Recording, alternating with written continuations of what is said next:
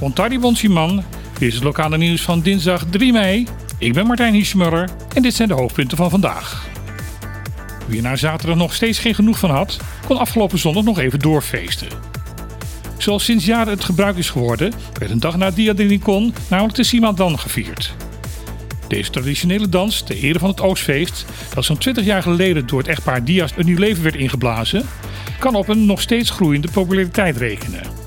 Ook dit jaar bracht het weer een groot aantal mensen op de been. Een lange stoet met dansers en muziekwagens kronkelde door de staat van Kralendijk. Na afloop van de optocht werd het Wilhelminapark tot in de avond doorgefeest. Zo bij de bevolking, bij bezoekers als in de politiek op het eiland is de discussie over het nieuw stelsel van de toeristenbelasting nog niet geluwd. Ook Bonaireanen die buiten het eiland wonen zijn er erg boos over. Want vooral als je in Europees Nederland woont, wordt een bezoekje aan je familie op Bonaire binnenkort een flink kostbare zaak. Naast de dure vliegtickets is een gezin met twee kinderen boven de 12 jaar gelijk per bezoek nog eens 300 dollar extra kwijt.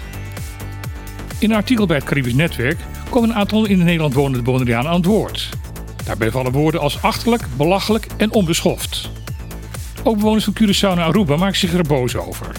Ze hoeven maar 10 dollar per keer te betalen, maar ook dat wordt gezien als een extra drempel om even op familiebezoek te gaan. Binnenkort zou de eilandraad opnieuw moeten gaan stemmen over de toeristentax, omdat bij de vorige stemming onduidelijkheid was ontstaan welke moties nu eigenlijk in stemming zijn gebracht. Of en hoe deze herstemming zal gaan gebeuren, is nog de vraag. Voormalig griffier van de Eilandsraad, Willem Cecilia, zegt in een reactie in de beste reporter namelijk dat simpelweg opnieuw stemmen helemaal niet kan. De stemming over de belasting is rechtsgeldig uitgevoerd. Die uitslag kan volgens hem niet zomaar genegeerd worden. Volgens oud-griffier kunnen de gemaakte fouten alleen gecorrigeerd worden door een volledig hersteltraject in te stellen. En daarmee met nieuwe voorstellen en aanvullingen de nu aangenomen verordening naar wens aan te passen. Er is weer een nieuw beestje in het koraal rondom Curaçao gevonden en dit keer is dat geen goed nieuws. Het gaat om de zogenaamde wormslak. Het diertje hoort eigenlijk niet thuis in deze konterijen en heeft daardoor hier weinig natuurlijke vijanden. Daardoor is het gevaar groot dat het zich snel kan vermenigvuldigen, net zoals dat gebeurt bij andere invasieve diersoorten zoals de lionfish. Het gevaar van de wormslak is dat beestje giftige slijm afscheidt waarmee het zijn prooi vangt. Dit slijm is ook zeer schadelijk voor het koraal, het kan erdoor afsterven. Momenteel is het gevaar nog niet erg groot, omdat het aantal slakken nog heel gering is. De onderzoekers dringen wel aan op maatregelen en verder onderzoek om het aantal slakken zo laag mogelijk te kunnen houden. Voormalig premier van Curaçao, Gerrit Scholten, is op bedeltocht. Heeft namelijk zeer dringend geld nodig. Als hij niet binnen 10 dagen 1,8 miljoen gulden aan het Openbaar Ministerie van Curaçao overhandigt, is de kans zeer groot dat hij opnieuw voor drie jaar de gevangenis ingaat. Het gaat hierbij om geld dat oud-premier volgens de rechter door criminele activiteiten heeft vergaard. Door een zogenaamde ontneemsprocedure vordert justitie dit geld nu terug. In een emotionele videoboodschap probeert Schotten de kijker te overtuigen dat het echt noodzakelijk is dat dit geld er komt. Zodat hij, zoals hij dat uitdrukt, weer datgene kan doen waarin hij goed is. Hij is ervan overtuigd dat al het geld wat nu geschonken wordt door God voor de gullegevers verdubbeld zal gaan worden.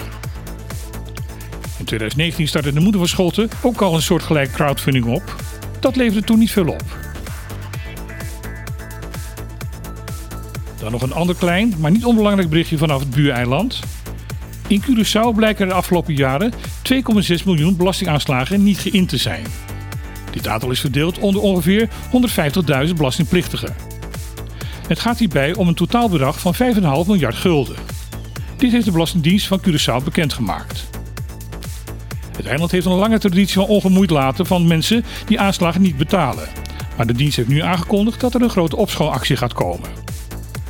Dat lijkt best verstandig, omdat eind vorig jaar door het ministerie van Financiën bekend werd gemaakt dat de staat Curaçao een totale schuldenlast heeft van 4,2 miljard. En dan tot slot de weersverwachting. Het zal overwegend halfwolk zijn met redelijk veel wind. De windkracht zal daarbij 4 tot 5 zijn met mogelijk uitschieters naar 6 tot 7. De maximale temperatuur zal vanmiddag 32 graden zijn en dat zal in de avond 26 graden zijn. De komende dagen is de verwachting dat het half tot zwaar bewolkt is met de kans op nu en een bui. De wind zal hierbij iets gaan afzwakken. Dit was het lokale nieuws van vandaag. Ik wens u een hele fijne dag en graag tot de volgende keer.